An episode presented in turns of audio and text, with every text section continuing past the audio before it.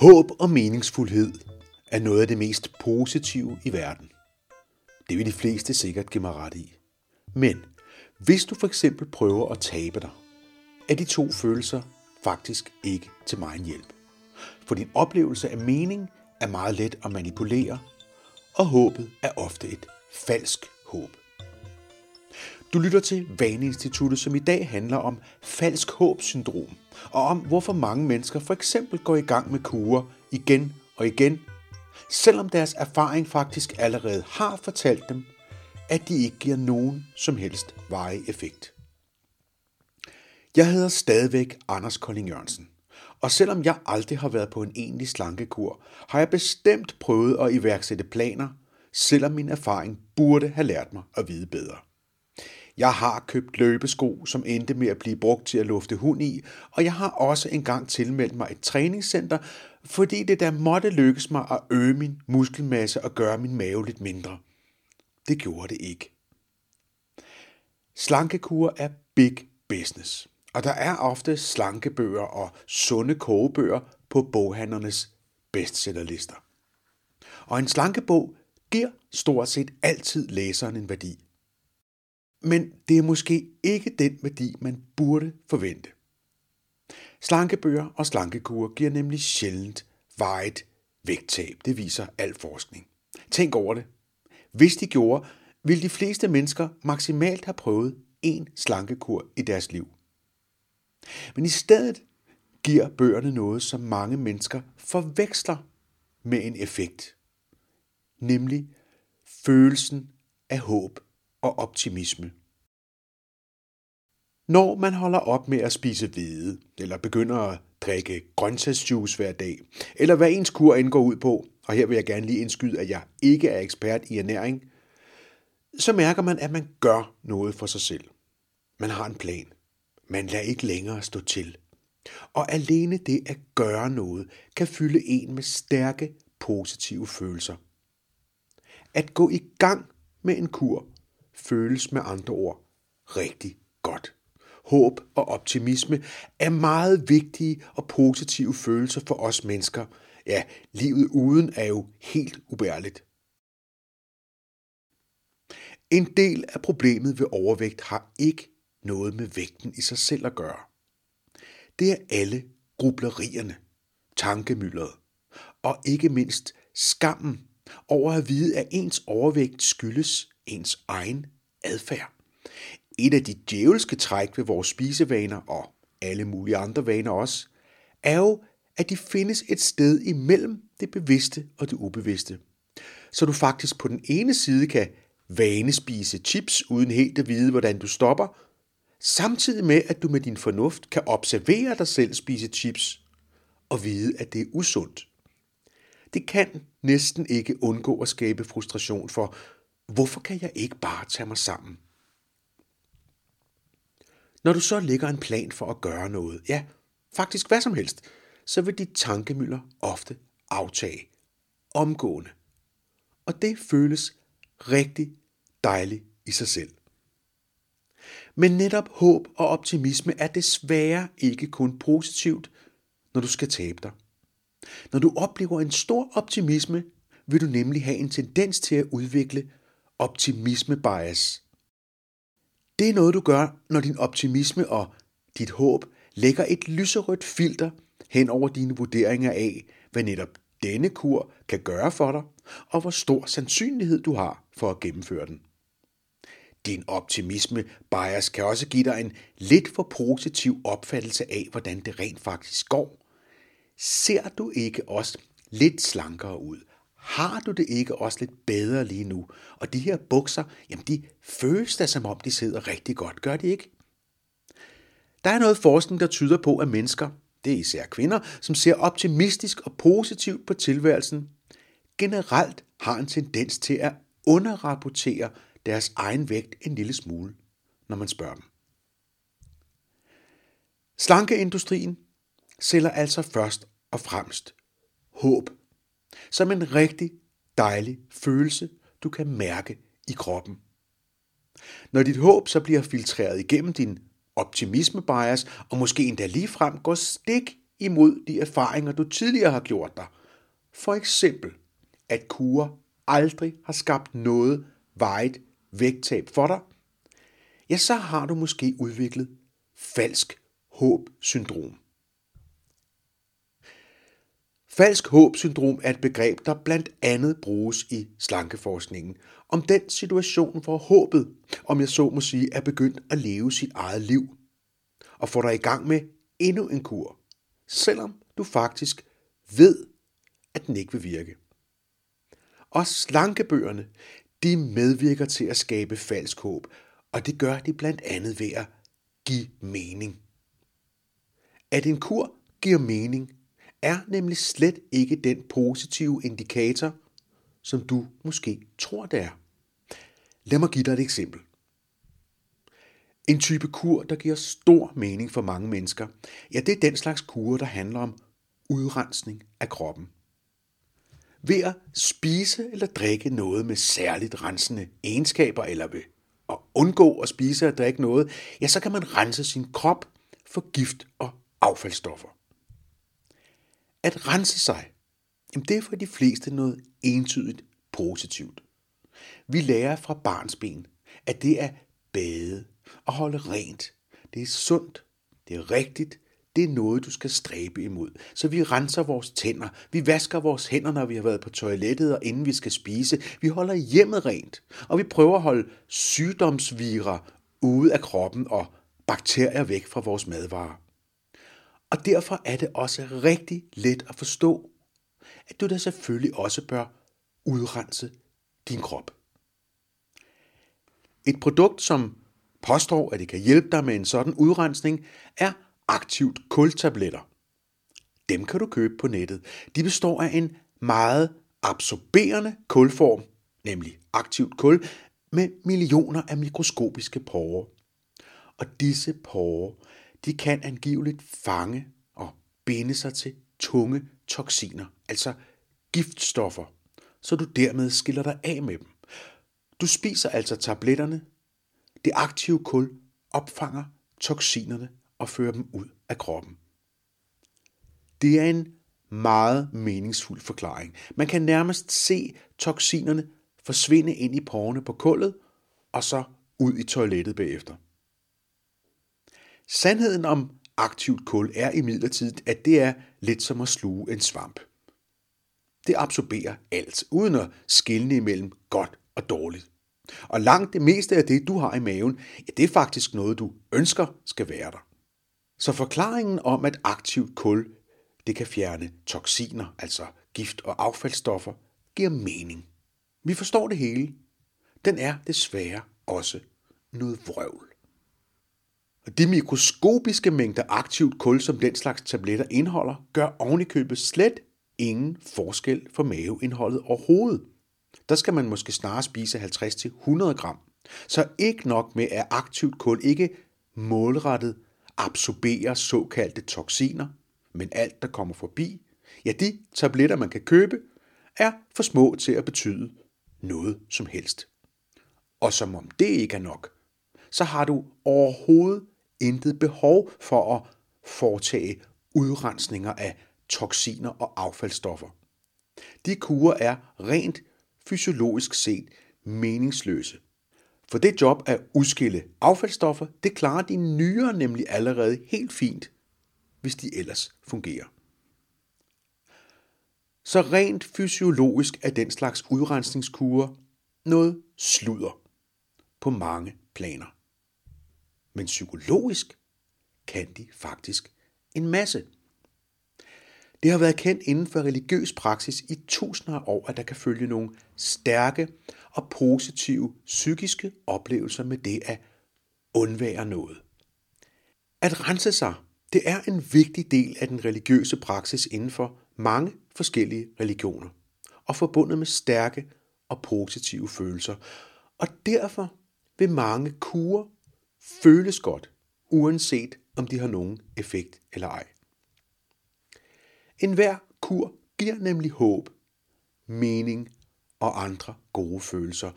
Og måske derfor ender mange mennesker som en slags slankekursmisbrugere, som begynder kurer igen og igen, fordi selve det at begynde en kur føles så godt.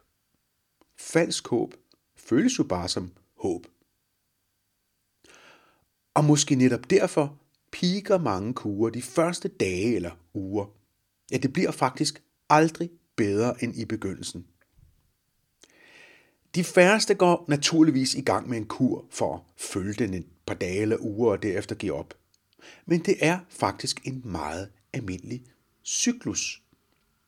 Den er så almindelig, at jeg faktisk her har formuleret forløbets faser fra begyndelse til fiasko. Jeg vil gerne advare om, at det følgende måske kan gå lidt tæt på for nogle af jer derude, men du kan trøste dig med, at du ikke er alene. For sådan her foregår rigtig mange kurer. Første fase. Hvedebrødsdagene. Du begynder på en kur. Du har tænkt over det en tid, og nu har du fundet den rette kur for dig. Nu skal det være. Du køber bogen, følger guruen på Instagram, smider dine usunde fødevarer i skraldespanden og køber nye ingredienser og måske køkkenredskaber eller sportstøj. Og du mærker med det samme håb og optimisme. Og din optimisme bias får omgående din krop til at føles bedre. Alt er bedre. Måske du lige frem får taget en hovedrengøring i hjemmet, nu du er i gang. Nu er der nye boller på suppen. Og ret hurtigt viser resultatet sig. For selvom det ikke er en egentlig del af din kur, så føles det ret nemt at lade være med at købe chokolade med hjem fra Netto. Så du taber dig. Du er på et triumftog. Alt kan lade sig gøre. Anden fase. Hverdagen melder sig. Nu er der gået en uge eller to. De første hvedebrødsdage er overstået, og mange af de lette gevinster er høstet. Vægten falder ikke bare lige længere. Ja, den synes snarere at være stagneret. Og det kræver lidt større overvindelse at holde fast i alt det, du ikke må og skal. Og det er svært at finde den der rene følelse fra begyndelsen. Den berusende motivation, som du indledte kuren med, den er ligesom fordampet. For sådan er det med motivationsfølelsen. Den er flygtig og holder sjældent distancen. Og det bliver også lidt svært at huske, hvordan det egentlig hang sammen med den kur, og hvad var nu det vigtigste, og hvorfor var det egentlig vigtigt? Du klarer dig igennem på bevidstheden om, at du gør noget godt for dig selv. Nu er det begyndt, så må du gennemføre. Og nu har du også fortalt det til alle, du kender, så yes we can. Vi kører. Tredje fase. Hvorfor skal det være så surt alt sammen? Du oplever nu, at det, der før føltes som en triumf og fyldte dig med en følelse af kontrol, begynder at opleves som slid og surt afsavn. De spændende nye ingredienser begynder at være trættende gentagelser, og du savner det, du plejer at kunne lide. I takt med, at motivationen fordamper og alle teorierne bliver lidt mere tåget, oplever du, at det ærligt talt begynder at føles lidt synd for dig. De indledende kilo, som du tabte, da du gik i gang, er ikke blevet fuldt af flere. Og en dag giver du lige dig selv lov til en undtagelse fra kuren, fordi din datter og onkel skildpadde har fødselsdag, eller hvad grunden nu er. Og det skal jo ikke være så surt alt sammen, vel? Og har du ikke også klaret den så længe, at du godt kan tage et lille afbræk? Det har du fortjent. Og du har jo alligevel også et lille vægttab at give af, ikke? Du er bestemt stadigvæk på kur. Fire fase. Jeg holder lige en lille pause. De små afbræk, hvor du giver dig lov, er nu flyttet lidt sammen på det sidste, og de er blevet til nogle dages udfald af gangen, og du er opmærksom på det. Det er blevet til lidt for mange gange, hvor du lige giver dig selv lov til at sønde lidt. Lidt for mange gange til, at du kan fortælle dig selv, at det hele kører efter planen i hvert fald. Men du fortæller også dig selv, at du jo stadig er på kuren. Du holder bare lige en lille pause, indtil du kommer fra ferie, eller skal på ferie, eller det der projekt på arbejde, der trækker tænder ud, er afleveret. Du skal som regel bare lige hen til det der tidspunkt. Så strammer du op igen. Du kommer tilbage på sporet. Det bliver godt at komme i gang. Du tror på det. Femte fase. Du giver op. For denne gang. Pausen blev for lang, og du erkender, at kuren er brudt sammen. Og ærligt talt er du også et andet sted i dit liv lige nu. Du fortæller dig selv, at der indtrådte nogle omstændigheder, som gjorde, at du ikke lige kunne overholde kuren netop denne gang. Og du beslutter dig til at tage kuren op igen på et senere tidspunkt, hvor du har lidt mere styr på tingene, hvor du vil være klogere og mere dedikeret og derfor have større sandsynlighed for at lykkes. Og måske selve kuren også lige var lidt dum. Det kan du se nu. Den næste kur bliver smartere. Og slankekuren formår jo også at forny sig selv og holde håbet i live med nye spændende kurer, der giver mening. Og i perioden, indtil du begynder igen, kan du jo lige så godt være lidt god ved dig selv. Det skal jo ikke være så surt alt sammen, vel? Næste gang lykkes det. Og der er mange, der netop tager fat på endnu en kur efter en periode. Måske den samme, for den føles jo helt forrygende i begyndelsen. Og hvis man nu bare tog sig lidt mere sammen, ikke? hvor svært kan det være, så kan det lykkes denne gang. Men det vil ikke lykkes denne gang heller. For de fleste kurer har faktisk kun håbet selv som deres primære effekt. Følelsen af at gøre noget godt. At man får genforhandlet kontrakten med sig selv. En ændring af ens hverdag, som udelukkende er baseret på motivation og gode følelser af håb og optimisme, og som til gengæld kræver, at du skal gennemtvinge en anden adfærd og lide afsavn, vil næsten altid begynde godt, og derefter falde fra hinanden, når de gode følelser fordamper og adfærdsreglerne, du har vedtaget, begynder at gnave og føles trættende. Det er ikke en fejl ved dig. Det er sådan, den slags virker og vil virke næste gang. Hvis du gerne vil have en varig effekt, er der desværre ingen vej udenom. Det er ikke kurerne, du skal have styr på. Det er resten af dit liv. Og frem for at lave store, dramatiske forandringer, som fylder dig med en berusende glæde, så er det langt mere effektivt at begynde at træne vaneændringer på små områder, at træne selvkontrol, og ikke mindst give dig til at forstå dine vaner. Falsk håb-syndrom er en fælde, der igen og igen leder mange mennesker imod sikre nederlag. Men den gode nyhed er, at du kan lære at genkende mønstret og at bryde det.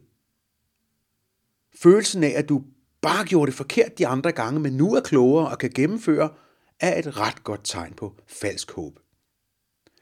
Det er aldrig lykkedes før, men denne gang gør det. Ja, det er praktisk taget falsk håb syndromets kampråb. Det, som er så problematisk ved kurer, er, at de handler om at ændre adfærd, uden at man overhovedet behøver at forstå en eneste ting om sine spisevaner, for eksempel. Og det går jo fint, mens det hele virker, men i samme sekund, man ikke længere kan opretholde den nye adfærd, ja, så har man jo intet andet alternativ, end at falde tilbage igen til det, man plejer. For man forstår stadig ikke sine vaner. Man forstår ikke, hvad det er, der trækker i en, eller hvordan man håndterer sine tanker og følelser, og ikke mindst sin opmærksomhed, når vanen trækker i en. Rigtig mange mennesker veksler altså imellem to ekstremer. Kuren med sine savn og sine regler og sin slankende adfærd, og hverdagen, hvor alt er, som det plejer. Men sådan er du jo ikke. For som studerende her på Vaneinstituttet har du arbejdet med den tredje vej de seneste par semestre. Du ved, at man kan lære at forstå sine vaneimpulser. At vanesmerten helt forudsigeligt vil prøve at få dig til at gøre, som du plejer, og at din indre kreative afdeling, som jo er vanens kommunikationsbyrå, vil ringe til dig med gode undskyldninger. Og du ved, at du i den situation, hvor du møder fristelse, ikke skal stå og forhandle med slikposen, kagen eller chokoladen, men i stedet lære at rette din opmærksomhed indad imod selve vanen, som trækker i dig og prøver at styre din adfærd. Hvis du ikke fik hørt forrige sæson, altså sæson 2, så er det nu, du kan sætte den på. Den sæson har jeg kaldt for Vanerejsen, og her prøver jeg at følge dig igennem et vanebrud fra start til slut. Og hvis du er typen, der bedre kan lide at læse den slags, ja, så kan du downloade hele sæson 2 som e-bog. Bogen hedder Kunsten at bryde en vane. Der er en fin lille chokoladehjerne på, og du kan finde den på Vaneinstituttets hjemmeside på vaneinstituttet.dk. Og husk det nu. Dine vaner findes ikke på din tallerken. Heller ikke i din indkøbskur. Vanerne er inde i hovedet. Og når du begynder at forstå, hvad der sker der, så kan du for alvor begynde at flytte adfærd. Jeg er rigtig glad for de mails, jeg får fra mennesker, som fortæller, at I har lært noget om jer selv, eller har fået flyttet nogle vaner ved at lytte til podcasten. Jeres feedback er det brændstof, der får mig hen og skrive endnu et afsnit, indtale det, redigere det og lægge det ud. Og at I har givet mig sådan en flot rating inde på Apple Podcast, det er også en af grundene til, at jeg bliver ved, og faktisk har øget udgivelsesfrekvensen betragteligt. Du har måske opdaget, at der ikke længere går et par måneder imellem hver episode. Så tusind tak til netop dig, for at du lytter med lige nu. For uden dig var denne podcast bare en mand, der sidder i et hus ude på landet og taler med sin computer. Vi høres ved. Jeg tror på dig.